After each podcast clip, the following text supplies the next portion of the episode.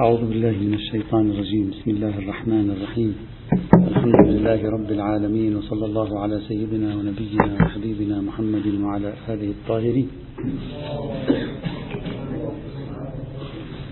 كنا نتكلم في نظرية الميرزا النائيني رحمه الله تعالى فيما يتعلق بفهمه لموضوع العلة وموضوع الحكمة ودائرة التعميم والتخصيص وإمكان تشكيل دلالة في هذين الموضعين. قلنا البحث يمكن جعله في مرحلتين المرحلة الأولى البحث الثبوتي والمرحلة الثانية البحث الإثباتي في البحث الثبوتي جعلنا القضية في أولا ثانيا ثالثا. أولا الكلام كان عن جهات التشريع ملاك الحكم. ثانيا الكلام كان عن أقسام العلة أو أنواع العلة الثبوتية أو الواسطة في الثبوت الواسطة في العروض. وثالثا النتائج التي توصل إليها الميرزا النائيني من البحث الإثباتي وهي النتائج الأربعة التي أو الأربعة التي تكلمنا عنها. ثم انتقلنا في المرحلة الثانية إلى البحث الإثباتي قلنا بأن الميرزا النائيني يعتبر أن ظاهر الأدلة يفيد العلة التي هي بنحو الواسطة في الثبوت وليس التي بنحو الواسطة في العروض. هكذا وجهة نظري. دليله على ذلك أو تحليل كلامه في ما الذي كون لنا هذا الظهور في, في العلة. أرجعناه إلى نكتتين. النكتة الأولى أنه يعتبر أن حرمت الخمر. الخمر هنا أخذت في لسان الدليل. وظاهر الأخذ في لسان الدليل أنها مأخوذة بعنوانها وبذاتها وبلحاظ وجودها النفس الأمري. وهذا ربما يكون تعبيرا آخر عن القاعدة المشهورة التي عليها العمل عندهم. وهي أن الأصل في العناوين المأخوذة في ألسنة النصوص الموضوعية وليس الطريقية. هذا كان النقطة الأولى. النقطة الثانية أن ظاهر التعليل ظاهرة أنه يبين جهة ثبوت الحكم للموضوع. يعني ظاهره الأولي أنه يبين جهة ثبوت الحكم للموضوع الجهة التي اقتضت ثبوت الحكم للموضوع. أما ظهور التعليل في بيان الموضوع فهو خلاف الظاهر. هذا الذي آه، قلناه بالأمس. وبناء عليه أي تعليل نراه في ألسنة النصوص سيكون مجرد تعبير عن الواسطة في الثبوت. سيكون تعبيرا عن الواسطة في الثبوت. فإن ظهر منه أخذها بنحو التقييد أمكن الاستفادة منه وإلا الحيثية التعليلية لا تنفع شيئا كما قلنا بالأمس. لكن هذا الأصل الذي قرره الميرزا النائيني قال لا نخرج عنه إلا في حالة هي عبارة عن اجتماع أمرين. هذا آخر كلامه. ممكن نفهم من التعليل الانتفاء عند الانتفاء التعميم والتخصيص في حالة واحدة مأخوذ فيها اجتماع أمرين شرطين. الشرط الأول قال أن تكون العلة عنوانا صالحا لأن تجعل كبرى كلية يعمل بها. يعني مثلا حرمت الخمر لإسكارها.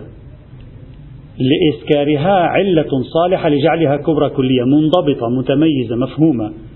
فممكن تقول حرم المسكر. هذا معقول. هذا الشرط الأول.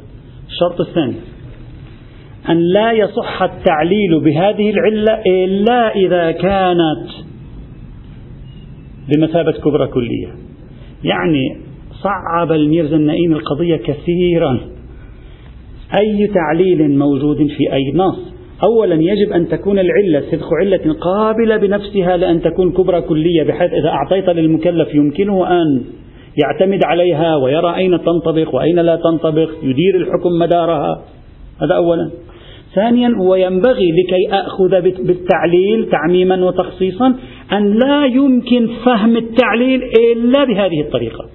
أما لو فرضنا أمكن فهم التعليل بغير طريقة تقديم كبرى كلية للمكلف بغير طريقة تقديم كبرى كلية للمكلف منضبطة متميزة يمكنه أن يدير الحكم مدارها وجودا وعدما إذا أمكن فهمه لا, يس... لا تنفع لا ينفع التعليل شيئا.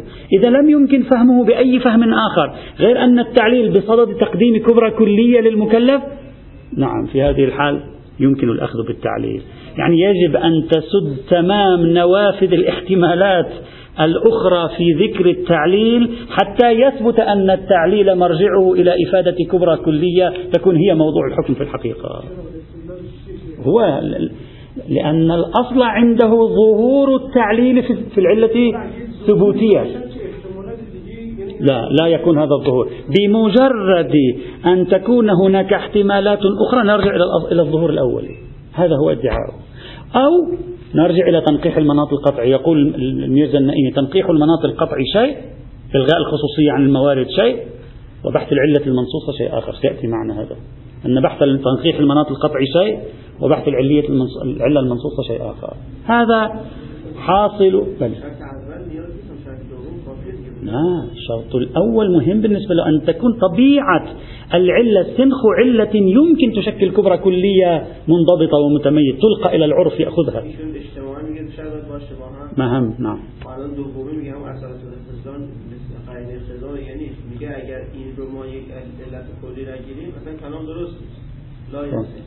فماذا تفهم؟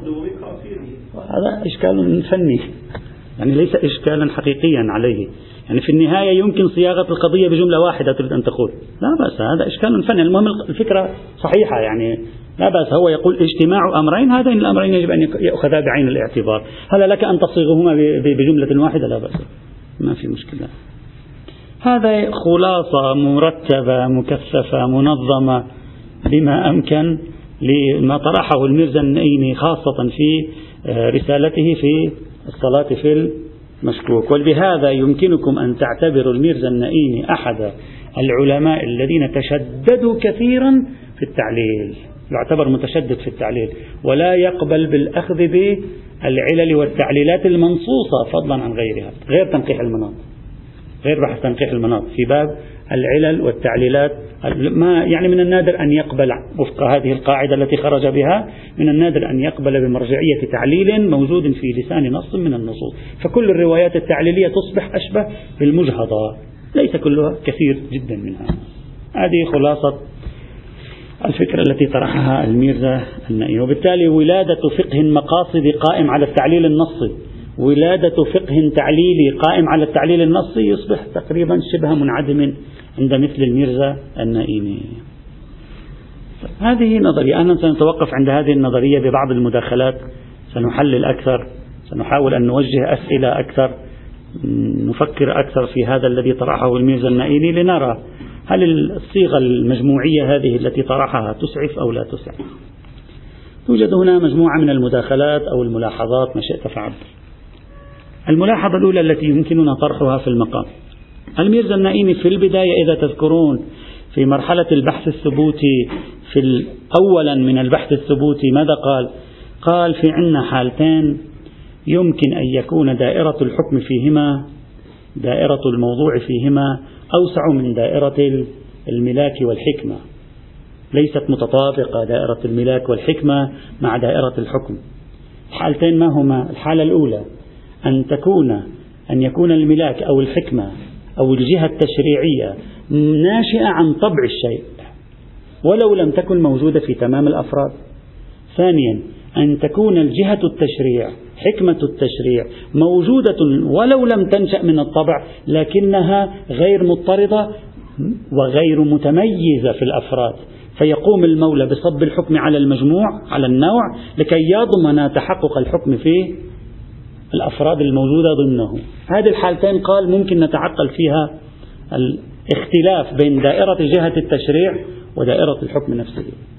نأتي إلى الجهة الأولى التي قالها لنفكر فيها قليلا.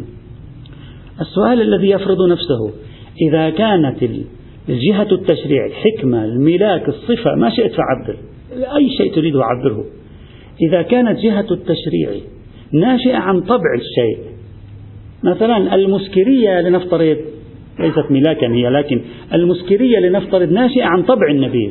وإن لم تكن موجودة في تمام أفراد النبيذ بل هي موجودة في أغلب أفراد النبيذ. طيب.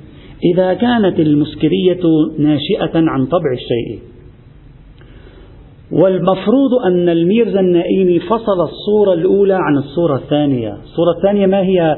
عدم تميز الأفراد التي فيها جهة التشريع. معنى ذلك أنه في الصورة الأولى تتميز الأفراد التي فيها جهة التشريع. صحيح؟ هو بنفس أنه فصل بين الجهة الأولى والجهة الثانية. في الجهة الأولى قال جهة التشريع ناشئة عن طبع الموضوع. ولو لم تكن موجودة في تمام أفراده. في الجهة الثانية قال جهة التشريع موجودة في بعض أفراد الموضوع ولكنها غير مشخصة غير متميزة. في هاتين الحالتين الحكم وين يصاب؟ على العنوان كله. بما يشمل الأغلب والأندر بما يشمل الأفراد التي فيها جهة التشريع وغيرها. هكذا قال هو. الآن نحن نريد أن نحلل النكتة. معنى كلام الميرزا النائمي في التفريق بين الحالة الأولى والحالة الثانية أن الحالة الأولى الأفراد التي فيها جهة التشريع متميزة. وهكذا مفروض كلامه أن الأفراد التي فيها جهة التشريع متميزة في الحالة الأولى. في الحالة الثانية غير متميزة. الآن يأتي السؤال. إذا كانت جهة التشريع ملاك التشريع موجودا في الأفراد التي هي ناشئة عن الطبع وقابل للتميز. ما الوجه أن المولى يجعل الحكم على العنوان كله؟ يعني خلينا نروح إلى المثال. إذا كان طبع النبيذ يعطي الإسكار وكانت الجهة هي جهة المسكرية وكانت أفراد النبيذ المسكرة متميزة منضبطة عن أفراد النبيذ غير المسكرة. لماذا المولى يجب أن يضع الحكم على مطلق النبيذ؟ يصب الحكم على مطلق النبيذ. ثبوتا نتكلم. لماذا؟ إذا كانت غير متميزة لا فرق بين الجهة الأولى والثانية. العبرة فقط بالتميز لا بكون الجهة ناشئة عن طبع أو غير ناشئة عن الطبع ناشئة عن النوع أو غير ناشئة عن النوع. هذا لا ليس فيه أي إضافة نوعية. وعليه نقول في الحالة الأولى من الحالتين اللتين ذكرهما الميرزا النائمي ينبغي عليه أن يقول إنه إذا كانت جهة التشريع صادرة من طبع الشيء فإن كانت متميزة في الأفراد لا يجعل الحكم إلا على عنوان شامل للأفراد المتميزة. وإن لم يمكن تمييزها في الأفراد دخلت في النوع الثاني لم تدخل في النوع الأول أصلا.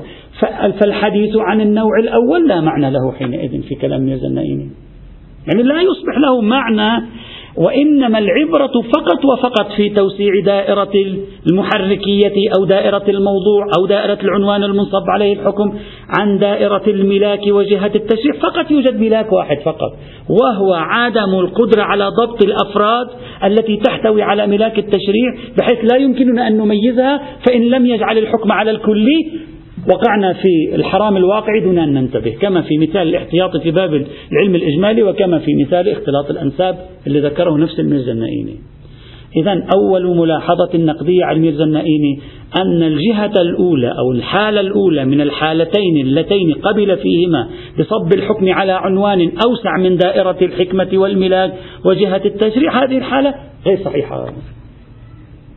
في هذا المورد لا يوجد مبرر لجعل الحكم على الكل إذا كان يمكن جعل الحكم على الأفراد الكثيرة وقابلة للتميز. هذه الملاحظة الأولى. الملاحظة الثانية. إذا أخذنا فرضية عدم التميز الآن نجي إلى الحالة الثانية من البحث الثبوتي التي ذكرها الميرزا النائم. أخذنا فرضية عدم التميز.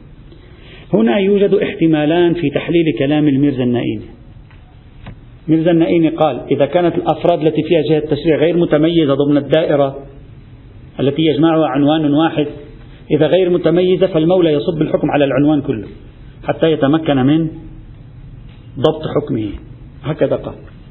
ما معنى المولى يصب الحكم على العنوان كله؟ ماذا يريد الميرزا النائيني من هذه الكلمة؟ يوجد احتمالان. الاحتمال الأول أن يكون مراده يمكن للمولى جعل الحكم على العنوان الكلي ولو أحيانا. أن يكون مراد ميرزا النائيني أنه في حال اختلاط الأفراد الحاوية لجهة التشريع مع أفراد أخرى وعدم تميزها يمكن للمولى افتح جملة معترضة أحيانا أن يصب الحكم على العنوان الجامع للأفراد جميعا التي فيها جهة التشريع والتي ليس فيها جهة التشريع. إذا كان هذا قصده هذا صحيح. لا شك ولا ريب. نعم. يمكن وعقلاء أيضا. وثبوتا هذا معقول ومنطقي.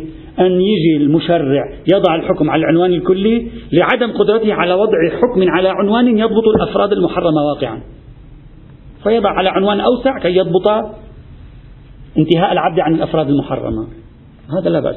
إذا كان المقصود من الكلمة إمكان صب الحكم على دائرة أوسع أحيانا فهذا كلام صحيح ليس, ليس لدينا إشكال عليه. أما احتمال ثاني في مراد ميزانين أن يقول في هذه الحال يجب على المولى أن يصب الحكم على الكل الجامع للأفراد الحاوية لجهة التشريع وغيرها. يلزم ذلك قانونا قاعدة يلزم ذلك. هذا غير صحيح. ليس عندنا دليل على أن المولى في كل مورد كانت عنده أفراد محرمة واقعا فيها الملاك واقعا واختلطت بأفراد أخرى ولا يمكن إعطاء عنوان يضبط الأفراد المحرمة واقعا بحيث يصل إليها المكلفون. يجب أن يعطي عنوانا على دائرة أوسع كي يشمل الأفراد المحرمة واقعا. لا لا يجب هذا دائما أحيانا يجب. لماذا؟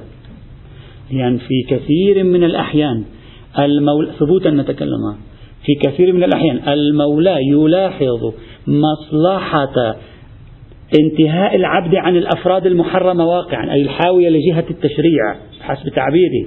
مصلحة انتهاء العبد هذه تفرض توسعة دائرة المحركية لمئة فرد. لكن في مقابلها قد تكون هناك مصلحة نعبر عنها بمصلحة التسهيل. وهذا ممكن ليس ممكن كثير هذا. يعني ممكن المولى يقول أنا عندي فردين محرمين من بين المئة فرد هذه التي يجمعها عنوان واحد. فأنا أمام خيارين إما أن أحرم العنوان في في فيلزم العباد بترك مئة فرد من الأفراد مع أن اثنين من بينها فقط. فيها جهة التشريع فيها الملاك فيها المفسدة ممكن يفعل ذلك وممكن يقول أنا ألاحظ أن اثنين من أصل مئة فيها ملاك فيها مفسدة على العباد أن يتركوها. لكن إذا لم أتمكن من تحديدها لهم عبر عنوان دقيق فعلي أن ألزمهم بترك مئة إلزامهم بترك مئة. خلاف مصلحة التسهيل قد يفضي إلى إيقاعهم في التضييق. فماذا يفعل؟ ثبوتا نتكلم. يلغي الإلزام بالعنوان الكلي ويقول للمكلفين إذا صادف أن علمتم بتحقق الفرد المحرم اتركوه. وإذا لم يصادف لا بأس. لماذا؟ لأنه ملاك التسهيل. يمكن أن يعارض الملاك الحقيقي الموجود في بعض الأفراد غير المتشخصة. ولا استحالة عند تعارض الملاكات هنا أن يرجح المولى تارة الملاكات غير المتشخصة الإلزامية وأخرى ملاك التسهيل ولو كان ترخيصيا. ويمكن. يمكن الشريعة في في موارد الحرج أسقطت التكاليف ويمكن أيضا أن يسقط مع أنه في مورد الحرج إسقاط التكليف لا يعني بالضرورة سقوط الملاك دائما.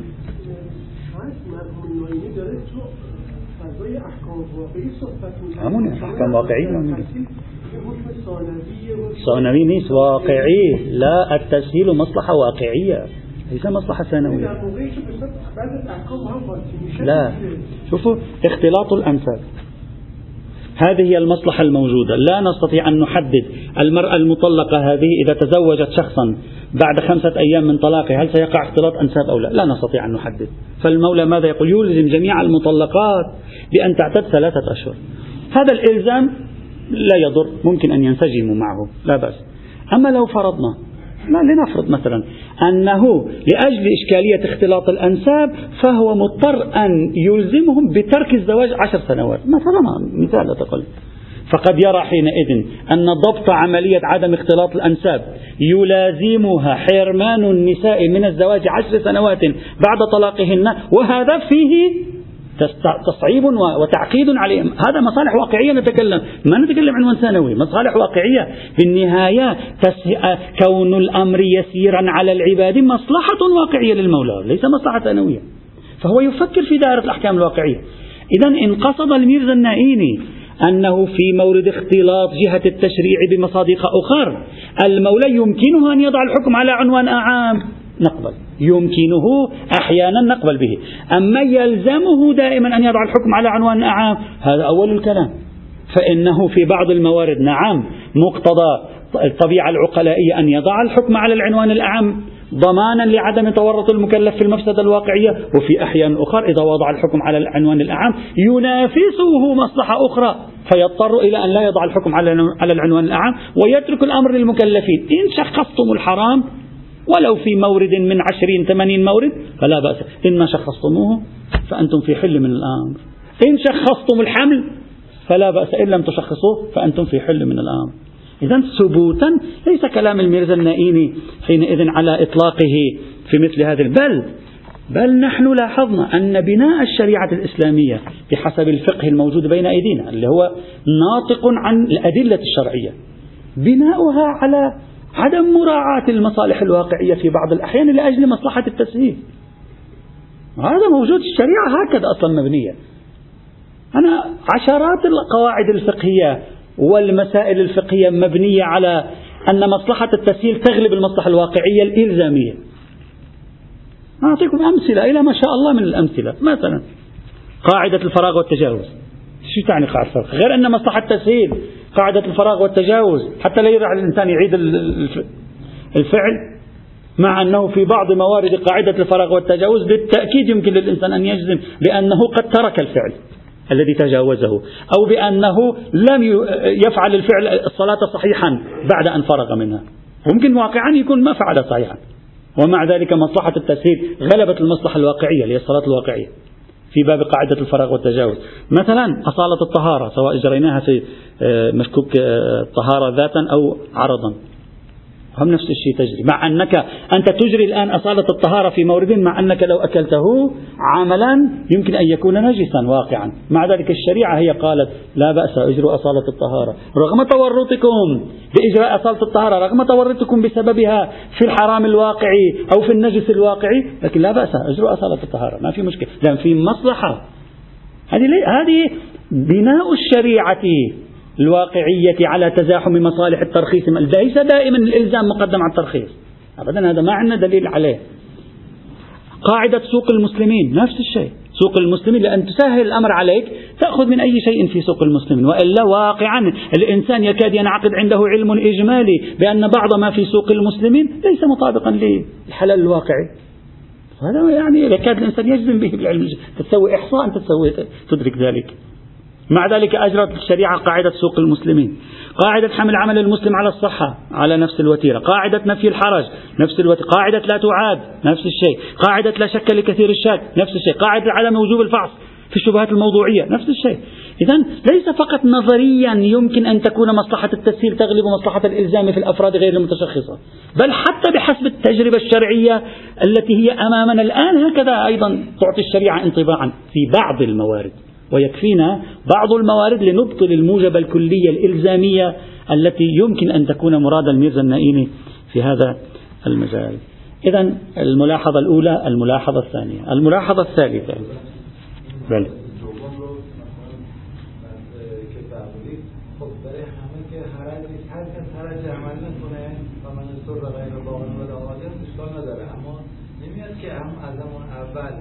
حکمت ایجاد میکنه دلیل لازم از خالص اینجوری نه حکمت ایجاد میکنه که اینجوری بگه خب؟ و هر کی از هم در غیر واقع مال آدم در حرج افتاد در گرفتاری شد اون عمل لا بأس. هذا معي. يعني أنت أردت أن تلغي كلية قاعدة الحرج إلى أن تجعلها في موارد بعض المكلفين. وفي موارد بعض المكلفين خرقت قاعدة الميرزا النعيمي. يعني الميرزا النعيمي في موارد على كلامكم في موارد بعض المكلفين ينبغي أن لا يقول بشمول الحكم لتمام الأفراد ضمانا لتحقيق جهات التشريع ولو في بعض الأفراد إذا خرقت الكلية. إذا كان مراده الكلية اللزومية إذا كان لا أقول مراده عبارته ليست واضحة هل مراده الإمكان أو مراده ضرورة أن يقوم المقنن بمثل هذه الخطوة؟ إذا مراد الإمكان لا بأس ضرورة لا الأمر فيه تفصيل. الملاحظة الثالثة. استنتج الميرزا النائيني من كلامه في جهة التشريع اللي هو ما زلنا في البحث الثبوتي نناقش عنده. استنتج الميرزا النائيني من كلامه في جهة التشريع بعيدا عن البحث الإثباتي أن الحكمة لا تعمم ولا تخصص. هكذا قال قال بما أنه تكلمنا عن جهات التشريع الأولى والثانية النتيجة أن الحكمة لا تعمم ولا تخصص. وهذا الكلام منه ثبوتها ما زال في المرحلة الثبوتية. السؤال كيف استنتج الميرزا النائيني من بحثه الثبوتي عدم تأثير الحكمة في التعميم والتخصيص؟ كيف استنتج يعني؟ إذا كانت الحكمة الملاك جهة التشريع ما شئت فعبر. تارة تكون ناشئة عن طبع الشيء. وأخرى تكون غير متميزة. وفي الحالتين يكون الحكم على الأعم. وفي غيرهما يكون الحكم مساويا لملاك التشريع. كي ما علاقة هذه المقدمات بالنتيجة التي قالها؟ إذا الحكمة لا تعمم ولا تخصص. شو ربطهم ببعض.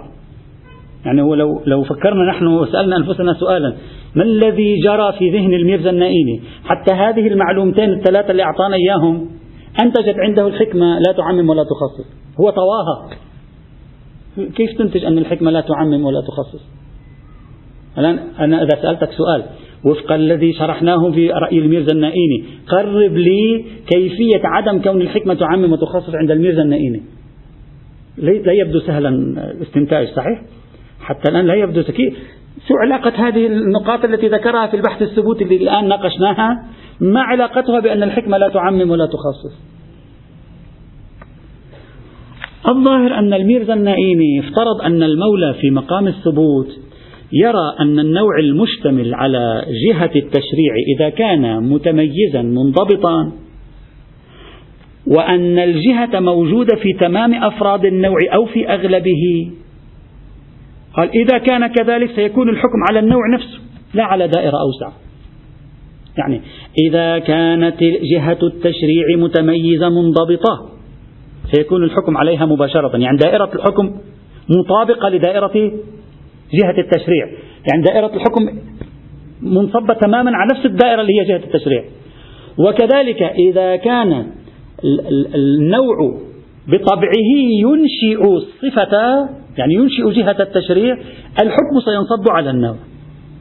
هذا أما إذا لم يكن الأمر كذلك فينبغي أن يكون الحكم أوسع من دائرة الحكمة من دائرة جهة التشريع معنى كلام الميزة النائني هذا أنك أنت ما فيك تعمم متخصص بالحكمة لأن الحكمة ليس لها إلا حالتين إما أن تكون متعينة يعني موجودة في تمام أفراد النوع فالحكم منصب على النوع بعد شو تخصص تعمم تعمم لماذا؟ ما هي المفروض أن الحكمة موجودة في تمام أفراد النوع تعمم ماذا؟ فصب الحكم على النوع يساوي وجود الحكمة. تعميم لا معنى له لأن المفروض أن الحكمة جهة التشريع موجودة في تمام أفراد النوع وإذا كانت الحكمة موجودة في بعض أفراد النوع وليست بمنضبطة أو متميزة هنا في مثل هذه الحال لا يمكن الحكمة أن تخصص. حتى لو كانت في بعض الأفراد ليش لا يمكن أن تخصص؟ لأن المولى يجعل الحكم على الكل. إذ لو لم يجعل الحكم على الكل تفوت أغراضه. فإذا رغم لاحظنا أن الحكمة في حالة كانت ضيقة والحكم كان وسيعا. إذا الحكمة لا تخصص. وفي حالة أخرى وجدنا الحكم مطابق لدائرة الحكمة فلا معنى للتعميم. إذا الحكمة لا معنى ثبوتا لأن تعمم لأن تعمم مع تعمم يعني يجعل الحكم على خارج دائرة النوع. ولا معنى لها لأن تخصص أن يجعل الحكم على الحكمة في مورد عدم تشخصها. وتحديد أفرادها في الخارج يعني فرضيا الميرزا النائين يريد أن يقول لا معنى لتصور حالة يكون للحكمة فيها اللي هي أضيق من دائرة الحكم قدرة تخصيص الحكم. ولا معنى لتصور حالة تكون الحكمة المساوية للحكم موجبة للتعميم. يعني لا يوجد فرق لأن الميرزا النائين حصر الفروض في ثلاثة. جهة التشريع ناشئة عن الطبع جهة التشريع غير متميزة جهة التشريع لا ناشئة عن الطبع ولا هي غير متميزة بل مساوية لموضوع الحكم.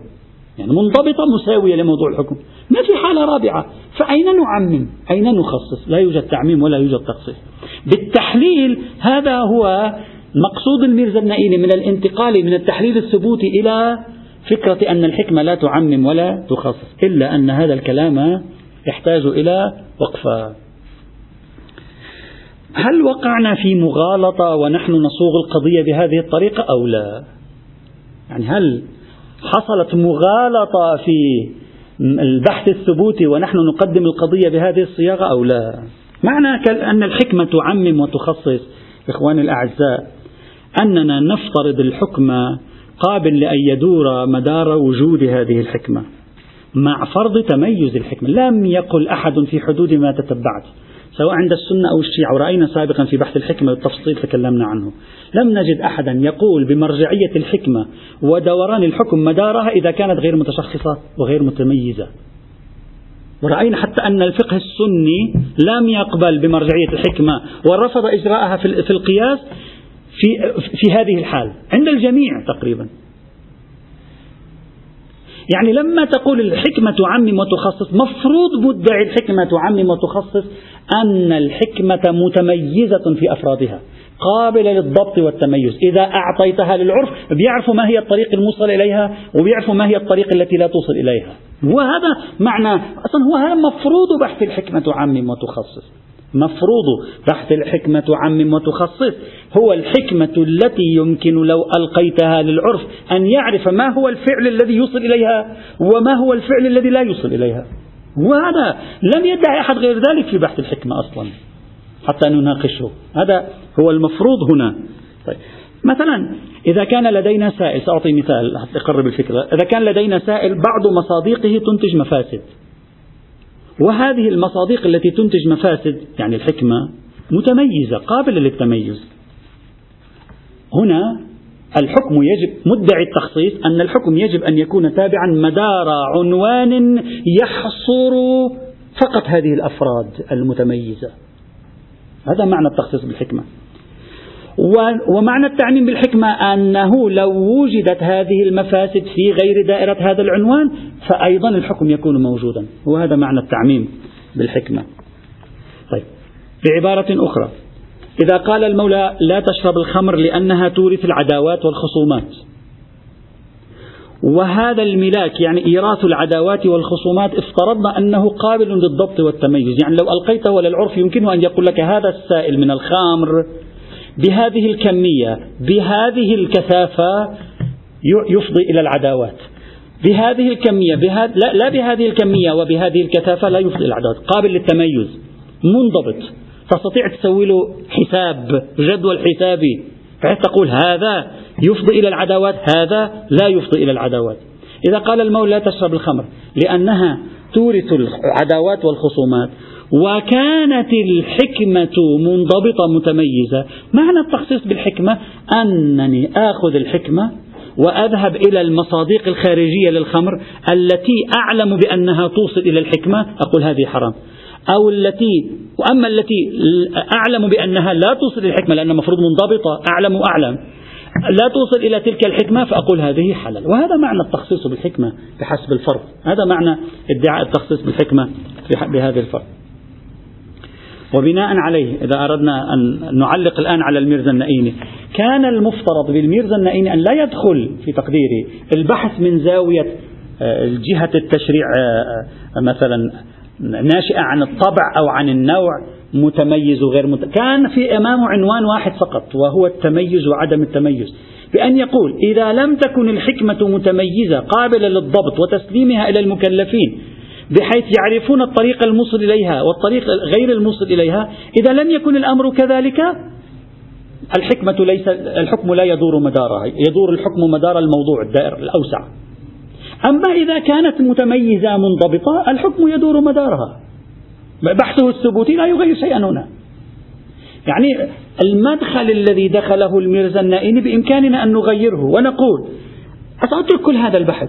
الحكمة إن كانت منضبطة متميزة يجعل المولى الحكم بالحرمة على ما يوصل إلى تلك الحكمة. إذا كانت مفسدة. وإن لم تكن منضبطة متميزة يجعل الحكم على دائرة أوسع. تشمل ما يوصل وبعض ما لا يوصل أيضا. وهذا هو معنى التعميم والتخصيص بالحكمة. يعني التعميم والتخصيص بالحكمة ليس سوى فرضية تميز الحكمة وانضباطها. في هذه الحال يجعل المولى الحكم تابعا للحكمة. ففي كل مورد يكون طريقا إليها يكون حراما. وفي كل مورد لا يكون طريقا إليها لا يكون حراما. وبالتالي لا يصح من الميرزا النائين أن يقول الحكمة لا تعمم ولا تخصص بدرس قاطع. بل في مورد التميز يمكن أن تعمم وتخصص. ومعنى إمكان التعميم والتخصيص أنك بإمكانك أن تلقيها إلى العرف وتقول كل ما يوصل إليها فهو حرام وكل ما لا يوصل إليها فهو حلال. وهذا هو معنى تعميم والتخصيص بالحكمة. فلا أدري بحثه الثبوتي كيف أوصله حينئذ. وفق هذا الذي نقول كيف أوصله إلى كلية أن الحكمة لا تعمم ولا تخصص. هذه ملاحظة ثالثة صحيح؟ الملاحظة الرابعة. الملاحظة الرابعة أن ندخل شوية في موضوع العلة الثبوتية والعلة العروضية التي تكلم عنها الميرزا فيها تشقيق تشقيق طويل غدا إن شاء الله تعالى. معلش الحمد لله رب العالمين.